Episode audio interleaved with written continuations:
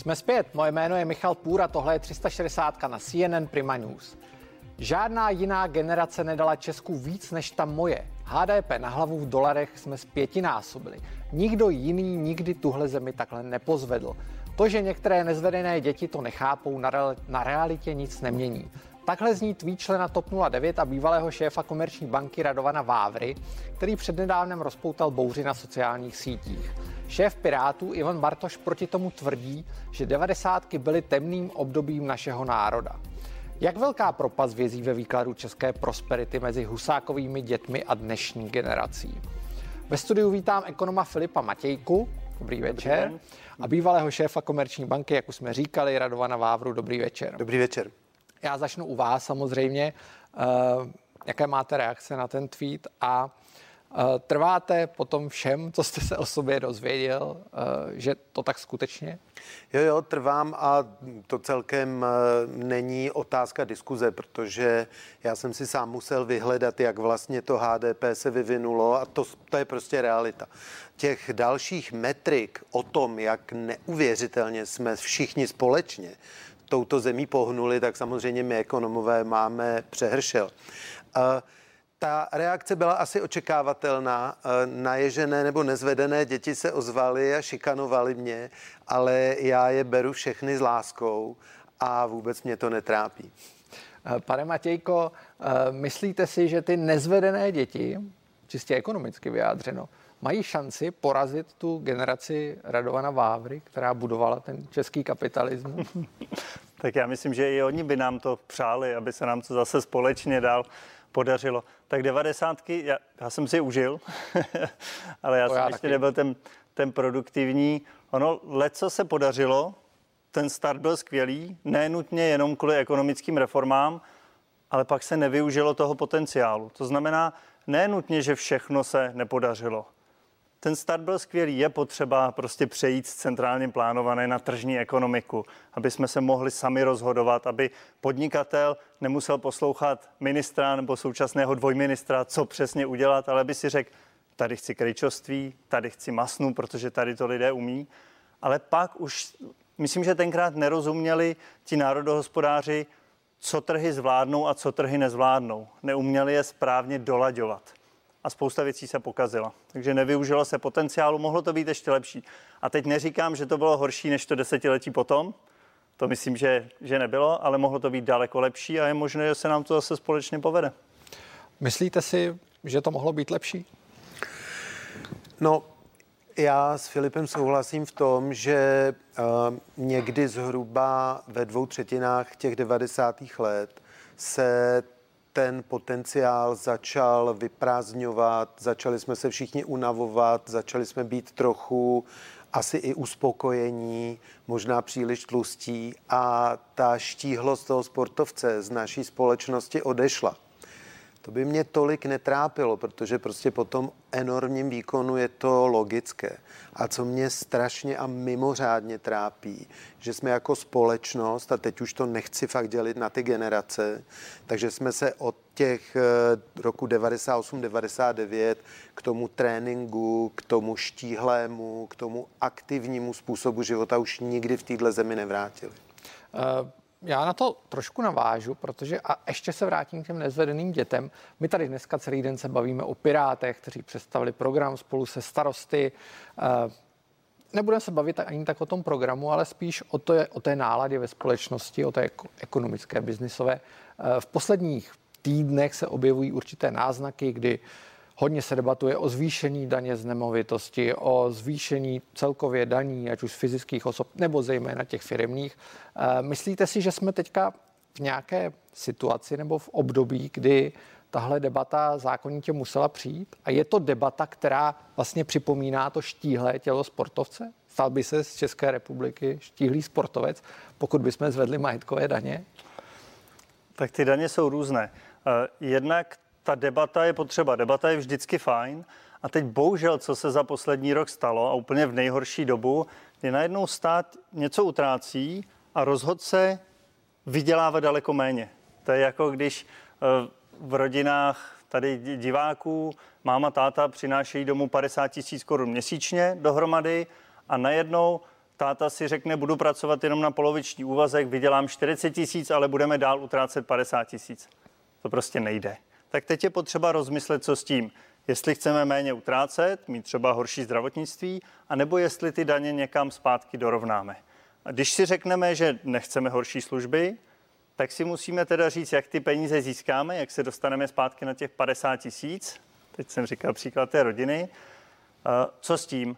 Já si určitě nemyslím, že je dobře rychle zpátky zvedat všechny možné daně.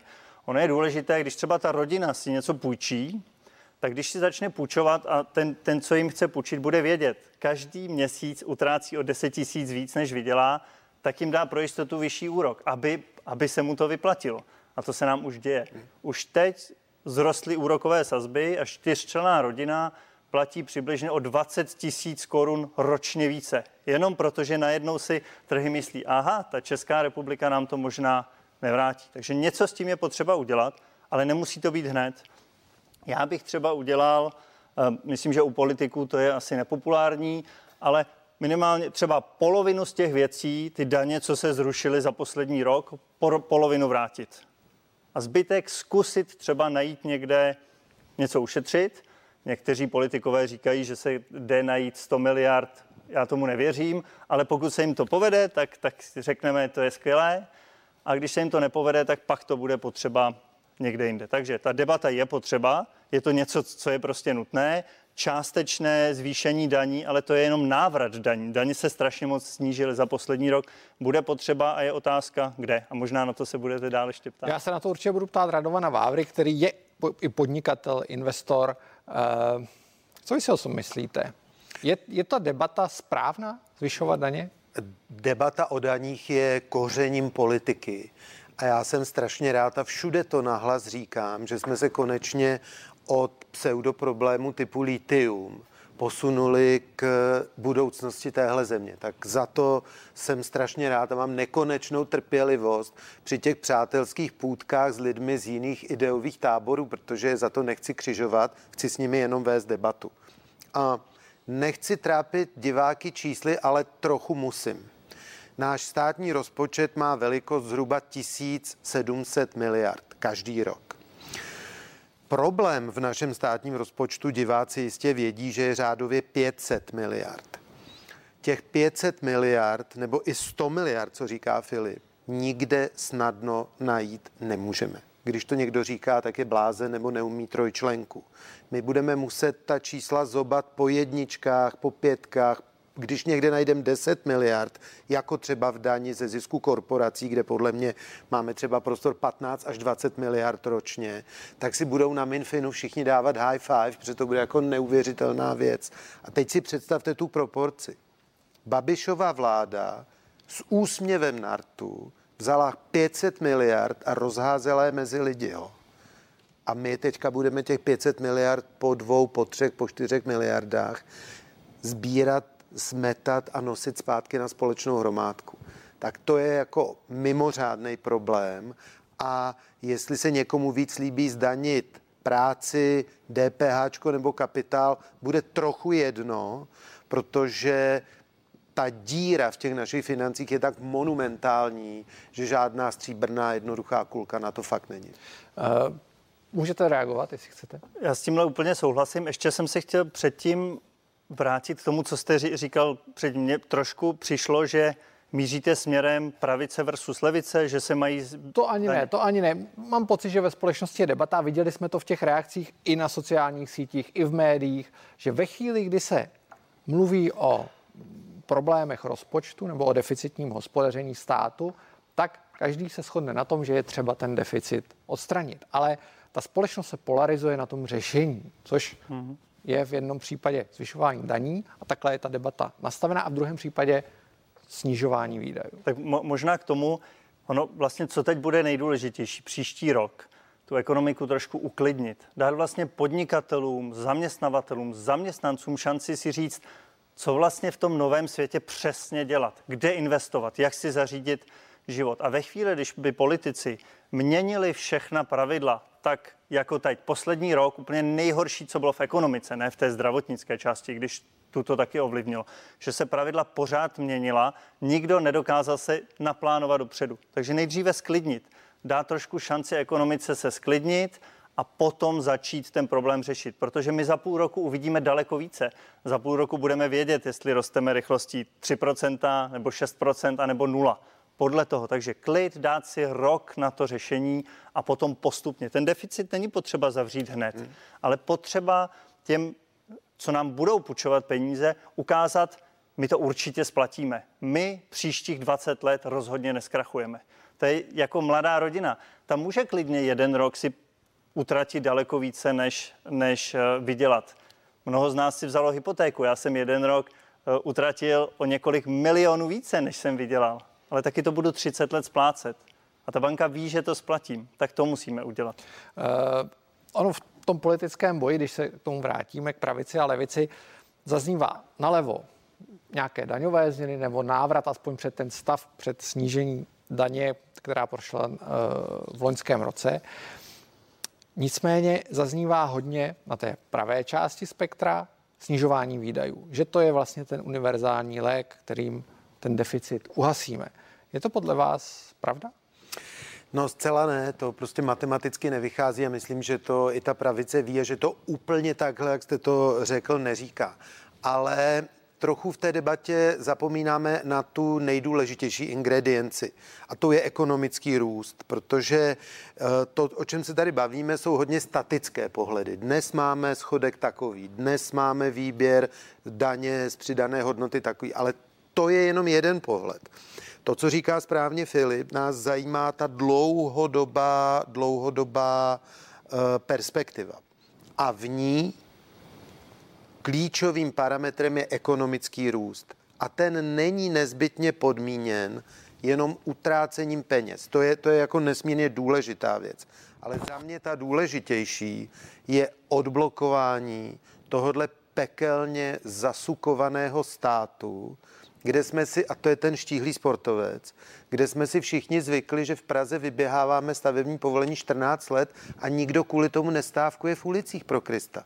Tak s tím majetková daň neudělá vůbec nic, dostupnost bydlení naprosto žádná daňová věc neovlivní, ale pokud náš stát nesprůchodníme a neuděláme z něj svého sluhu místo z toho otrokáře, kterého jsme si udělali, tak se budeme jenom drbat na hlavách, kde vezmeme peníze na zalepení státního rozpočtu. Digitalizace se nabízí, mohlo by to být ten lék, protože zase někteří ekonomové říkají, že digitalizace je fajn, ale neřeší ten celkový problém. To je jeden z mnoha krůčku k řešení. Ten štíhlý sportovec, mně se líbí ten příměr. Chtěl jsem říct, vlastně teď způsob, co dělat, bude podobný, co se mohlo dělat na konci devadesátek. Toho sportovce tenkrát totiž začaly bolet klouby, a začal narážet do sportovců vedle. Ono, trhy přestanou fungovat, když se o ně nestaráme. Když se o ně nestaráme, tak velký začne být ještě větší, hmm. přestane soutěž. Začaly vznikat monopoly tenkrát. Eh, když neříkáme trhům, eh, nějaké nesměrujeme k tomu, aby byly ohleduplné k těm ostatním jedincům. Když my dva si s Radovanem něco prodáme, ale přitom vám to uškodí, tak trhy budou generovat něco, co, kde se žije špatně. Emise, když já budu vyrábět emise, budu ničit životní prostředí a nebudu za to daněn, tak my mezi tím rádi si budeme hodně prodávat a přitom se vám bude žít hůř, i když se té směry neúčastníte. Takovéhle věci se děly na konci 90. let. Teď je problém ten, že vlastně ten poslední rok nebyl, pravicový, nebyl pravicový, nebo že snižovali daně. Jiná dimenze pravicovosti a levicovosti je, kolik toho stát dělá. Stát dva ministři rozhodovali úplně všechno. Hmm. Říkali, jaké obory jsou perspektivní a dostanou peníze. Říkali, kadeřnictví zavře, masáže otevřou, papírnictví odevře. Mělo to být obecná pravidla. My se budeme muset vrátit k tomu, jak říká Radovan, štíhlému sportovci, ale zároveň mu chytře mazat klouby, aby to všechno fungovalo. Trhy, když se nechají sami, když jsou úplně volné, přestanou fungovat, přestanou být trhy. Eh, stát Pan Matějka mluví o, o státu, který má zjevně velkou moc a nabral během té covidové krize ještě větší moc. E, myslíte si, že vůbec je ještě cesta, i když se podíváte, nemyslím na vládu, ale na celou tu politickou reprezentaci, která bude soutěžit v říjnových volbách, Když se na ní podíváte, myslíte si, že tam vlastně vidíte vůbec někoho, kdo bude chtít zmenšovat moc toho státu? Fakt se nejedná o zmenšování, fakt se nejedná o škrtání tabulkových míst a fakt se nejedná o šetření tím, že někomu sundám provozní rozpočet o 8%. Když to všechno udělám, tak ušetřím těch 8 provozních procent, ale ztratím na tom Minfinu nebo na tom ministerstvu, kterého se dotknu, ty nejkvalitnější zaměstnance, protože tak to prostě bude a zůstanou tam úplně zapikolovaní, prostě to mrtvé dřevo, které bychom tam vlastně ani nechtěli mít. Takže ten proces musí vypadat úplně jinak a to číslo je v podstatě schoda okolností a může se stát, že vůbec nebudeme šetřit na těch orgánech, protože to, co my musíme udělat, je vyřešit, aby hygiena byla hygienou. Přece máme před sebou to peklo, ten Armagedon těch 30 tisíc mrtvých, který jsou jednak výsledkem naprosté ignorance vlády a upřednostňování krátkodobých politických agent nad životama lidí, což jako prostě vůbec nejsem schopný artikulovat, jak jsem z toho rozuřený. Ale kromě toho jsme taky v přímém přenose viděli tu impotenci obrovského počtu státních složek, který sice mají hrdý pozlacený tabulky na dveřích, ale jsou to zcela vyprázdněné instituce. A to, že jsme to viděli v době války, neznamená, že v době míru ty úřady fungují. Nefungují. A na to, když se ne, prostě nepodíváme, tak díky strašně efektivnímu kapitalismu, který tady v obrovské části ekonomiky provozujeme, tak pořád nechcípneme hlady. Tak místo 4% porosteme 2,5%. Fajn, pro někoho je to dost, ale já, kdybych byl ten mladý pirát, já, kdybych byl ten, co se s tím Vávrou hádá na sítích, tak tohle bych si vzal jako vlastní logo. Já bych řekl, OK, ať si tady boomři pindají, co chtějí, my z toho státu uděláme nejlepší stát v Evropské unii. Když se vrátíme do reality trošku, protože asi jen tak nebudeme nejlepším státem v Evropské unii. Proč ne? Uh, On to určitě nic být, vysoko. ale, Přesně tak. ale uh, já, když budeme v té realitě současné, pokud se nějak výrazně nezmění a vznikne po volbách třeba vláda, která nebude nic dělat, nebude, nebude nic měnit, nebude nic reformovat. Uh, máme 500 miliard schodek, deficit, roste celkový zadlužení státu. Kdy z toho bude reálný problém? Když si budou všichni myslet, že vláda nebude nikdy nic dělat, tak ten problém z toho bude velmi rychle, protože, protože úroky porostou a vlastně to poroste strašně rychle. To já doufám, že se, že se nestane. Co říkal Radovan, byla hrozně důležitá věc o tom připravit se, aby jsme i to zdravotní hledisko řešili, protože i teď, aby jsme v budoucnu ekonomiku nastartovali, nejenom to prostě zdraví, aby jsme si zajistili, tak aby firmy měly jistotu, že příští vlnu případnou, která buď přijde, anebo nepřijde, ale možná přijde, aby jsme měli jistotu, že ji zvládnou, tak to je, to je naprosto zásadní. Ve chvíli, když teď zaměstnavatel ví, že já, když najmu zaměstnance, určitě nepřijde další vlna, protože to vláda zvládne, tak ho spíše najme. Zatímco když ví, že jakákoliv další mutace vytvoří tenhle obrovský problém, že nemůžu půl roku pracovat, tak radši už teď půl roku dopředu nebude zaměstnance najímat. To znamená, vyřešení těchto těch problémů, mít pořádný, robustní systém zdravotnictví je úplně zásadní. A tam bylo zajímavé, co vy jste oba říkali, že vlastně ten stát tak jako napubřel a všechno dělal sám, ale přitom to nestíhal. Když to řídí dva ministři, ty nemají čas na to, aby všechno řešili. Takže tady třeba způsob je do toho daleko více zatáhnout soukromý sektor. I třeba už tři čtvrtě roku se bavíme, nebo skoro rok, o pořádném testování. Kdyby to dělal soukromý sektor a státní sektor by řekl, každý test má pro mě společenskou hodnotu třeba 300 korun, tím to budu dotovat, všechno ostatní ceny, kapacity si vymyslete vy, to by letělo takhle strašně rychle. Spousta věcí jde udělat, že stát nastaví dobrá pravidla a pak ten soukromý sektor soukromý sektor to, to udělá dobře. A já věřím, že takhle to půjde v budoucnu. Jak vidím některé ty nové programy, vy jste zmínil Piráty a starosty, tak si myslím, že směrem té decentralizace, ale nastavení obecných pravidel snad půjdou. Eh, já se vrátím trošku k většímu detailu od té obecnější debaty. Vy jste zmínil ten program, o kterém my se tady bavíme celý večer.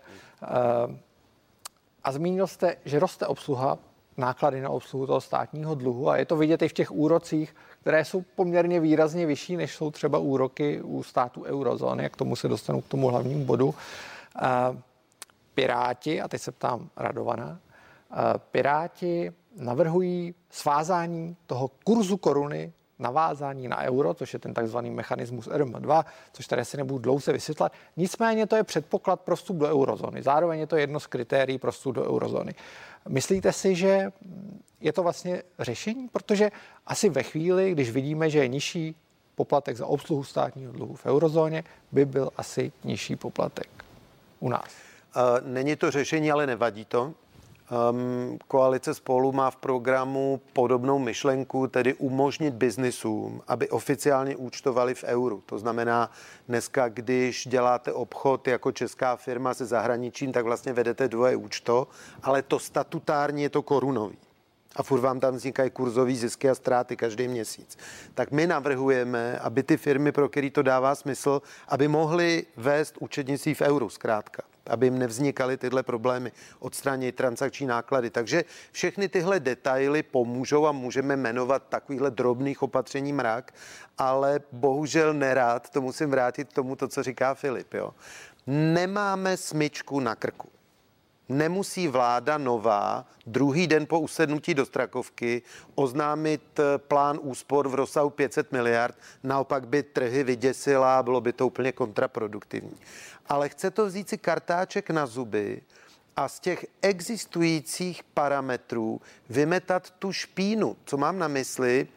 Existoval princip, který automaticky upravoval věk odchodu do důchodu. Pořád jsme v průběžném státem garantovaném systému, nejsme v žádné důchodové reformě ale prostě reagujme na demografii tím, že říkáme, že důchodce má v důchodu strávit 24 let. No ale jak ty lidi se dožívají víc a víc a víc, až teda na tenhle rok, bohužel, tak vlastně tam zůstávají v tom důchodu déle a déle a existoval koncept, kdy jednoduchým propočtem se každý rok tenhle ten věk posune. A to je opravdu malichernost a ta by nestála opravdu nikoho nic, kromě obřích úspor ve státním rozpočtu, pomlčka důchodovém systému. Takovýchhle věcí tam najdeme, když si dáme lahev vína a A4 dalších 20. Nemůžeme, to je velká chyba teda, jo. A já teda řeknu úplně kacířskou myšlenku. Mě v tomhle kontextu netrápí ani ta dáň z nemovitostí, proti který normálně strašně vystupuju. K tomu se ještě dostaneme, myslím, že ještě máme čas. Ale chci jenom říct, že to je jako dobrá, dobrý návod. Jo? Už jsem říkal, že nemáme stříbrnou kulku, nikde 500 miliard na zemi neleží. To uměla paní ministrině Šilerová vždycky se ponořit do státního rozpočtu a přijít s nějakou raketovou částkou a doufám, že nová vláda už tohle umět nebude. Euro. Já se ještě vrátím k tomu euru. Za vás euro je řešení nebo není to řešení? Mně se líbí, jak to říkal Radovan, že s něčím to pomůže, ale nevyřeší to všechno. Je to jedno z mnoha částí řešení. Ono vlastně hrozně moc by to pomohlo s jistotou. Hmm. Už jenom to, že nebude, že podnikatel ví, já teď si objednám něco ze zahraničí a vím, že za tři měsíce, než to přijde, mi neposkočí kurz o 30%, možná, má jistotu, tak jde dělat daleko víc věcí, daleko lépe. Eh, my si vlastně neuvědomujeme, eh, vy jste zmínil spoření na stáří, důchody. Jeden z problémů našeho spoření na, důchody je, že máme malinkou měnu. My vlastně pro normální lidi, pro znalé investory to nevadí. Ti jsou schopní si zajistit kurz a investovat kdekoliv po světě. Pro normálního člověka zainvestovat si ve Francii a pak najednou se kurz strašně změní během příštích pár let je obrovsky riskantní. Proto taky všichni tady nakupujeme nemovitosti. A to je ve finále riskantní. Radovan Takže nakupuje bitcoin, určitě nenakupujete bitcoin. No tím chci říct, že to je další věc, čím by euro pomohlo, že bychom mohli vlastně se daleko lépe zajišťovat uh, investováním po, řekněme, celém světě nebo minimálně po Evropě tak, že bychom neměli jenom nemovitost, ale měli bychom kus akcie v Německu, kus akcie ve Francii a bylo by to daleko jednodušší. Eh, vy jste o tom mluvil eh, v jednom rozhovoru, který jsem si našel, že se dá ušetřit na důchod, když u toho zůstaneme, u tohohle tématu. Eh, kdybyste měli lidem poradit, jak si vlastně nejsnáze, nebo navázat na pana Matějku, jak si nejsnáze vlastně vybudovat ten kapitál, který je ve výsledku jim zajistí to důstojné stáří. No hrozná zpráva je, že bohužel ne v těch státem sponzorovaných penzijních fondech. A to je, to je jako pro mě, jako pro ekonoma a daňového poplatníka jako hrozně hořká pravda. Jo? Ty fondy jsou koncipovaný tak, že svým účastníkům zdaleka nepokryjí ani inflaci, Nik, nikdo z toho není spokojený, ani ty správcovské společnosti.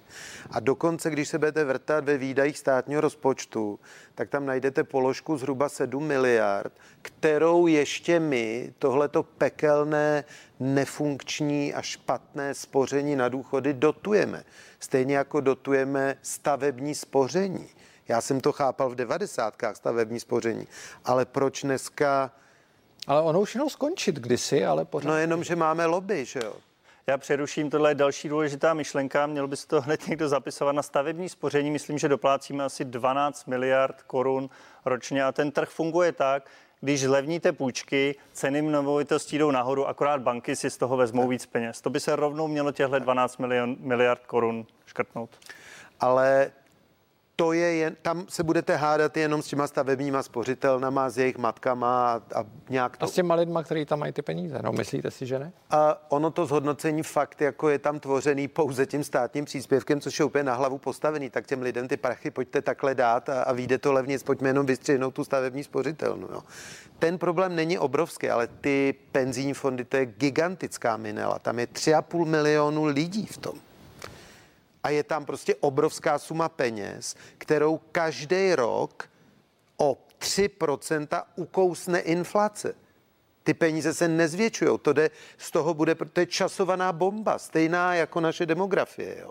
Čili uh, já jako... Dostaneme se k inflaci hnedka. Bych vlastně si přál, aby ty lidi, co ty volby vyhrajou, byli co nejmladší, protože čeká spousta bezesných nocí. Ale vy jste členem TOP 09 a tam se obávám, není ta základna úplně nejmladší, nebo aspoň v koalici spolu. Naše paní předsedkyně je mimořádně. Ta je, ta je. Tyhle ty penzijní důchodové fondy, to je obrovské téma. U nás to bylo udělané tak, jednou myslím, že jednu chvíli zrovna byly nějaký další pilíř, že si lidi tam mohli sami spořit, ale teď politici se báli, aby ty fondy nebyly riskantní. Tak je velmi zregulovali a bylo to tak, aby to bylo bezpečné, že vlastně se dalo nakupovat pouze státní dluhopisy. To znamená jako půjčovat si, půjčovat státu. To znamená, stát vzal peníze, nezůstaly ve státu, dal je, že si člověk nespořil ve státu, dal je někomu, třeba mě, na můj osobní účet. Já jsem to půjčil zpátky státu přes fond. Vidíte? Peníze zůstaly na stejném místě, ale ty fondy si z toho berou 2% tadyhle z tohohle kolečka. Zatímco v Americe tam třeba spousta lidí, já teď nevím, jestli to budete vědět líp, jestli do Vanguardu investuje 40 milionů, 50 milionů lidí. To jsou fondy, kde jde nakoupit portfolio po celém světě. Musím říct, že my jsme to také udělali, to jde tady, ale je to hmm. těžší to zařídit. A poplatek je asi 0,05 je to prostě něk asi skoro dva řády nižší, než jsou tady. A máte to daleko méně riskantní, protože je to po celém světě. Vy jste nakousli ještě jednu zajímavou věc, o které se v posledních dvou týdnech mluví, a to je inflace. Protože ten inflační cíl, Česká národní banka pro diváky si stanovuje nějaký inflační cíl, který když se přešvihne, což se v posledních letech moc často nestávalo, spíš naopak, tak je problém. Inflace lidem může požrat ty úspory nebo ty peníze, které jim leží eh, na účtu. Hovoří se o tom, že by ta inflace mohla být 10%, což je poměrně výrazný číslo. Eh, myslíte si, že to je problém? Začnu u vás teď, když už jsme. Já si myslím, že se to nestane. Vlastně centrální banky, takhle, začnu jinak. Já jsem ekonom, my ekonomové spoustu věcí nevíme, ale co se ekonomové naučili za posledních 50 let, je řídit inflaci. Centrální banky posledních 50 let, u nás daleko kratší dobu, ale na západě už několik desetiletí, umějí inflaci řídit daleko lépe. V 70. letech byla v Americe inflace 20%, od 90. let téměř nikdy. To znamená, centrální banka tohleto řídit umí. Proto myslím si, že to se nestane. Co se může ale stát, do té inflace se nezapočítávají třeba ceny nemovitostí nebo ceny akcí, ceny jiných aktiv. To, se, to se může stát. Teď, druhá část vaší otázky, kdyby se to stalo, jestli je to problém. Inflace na ní je zajímavé, že je vlastně to rozprostřená daň. Já můžu danit buď jednotlivého konkrétního člověka, tím snižovat státní dluh, anebo můžu mít inflaci a inflace vlastně funguje tak, že zdaňuje všechny, co drží hotovost. Což ale často nejsou ti bohatí, protože bohatí vlastní nemovitosti, akcie. Těm inflace nevadí, protože cena těchto těch aktiv prostě půjde nahoru. Vy si myslíte, že to je problém? Ne, souhlasím s každým slovem a jenom bych to vysvětlil, když my ekonomové se o inflaci bavíme a teď se o ní bavíme, tak je to o tom, jestli bude 2,8 Máme nebo 30 30 vteřin, musíme rychle. Jestli bude 2,8 nebo 3,1, nebojte se, hyperinflace, ta nám v Česku fakt nehrozí. Skvěle, děkuji moc oběma za rozhovor a přeji hezký večer. Díky. Děkuji. Díky. Děkuji. Pro dnešek je to všechno. Děkuji, že jste, si nás, že jste si na nás udělali čas a dívali se. Zítra se na vás bude těšit Pavlína Wolfová. Já vám přeji hezký zbytek večera.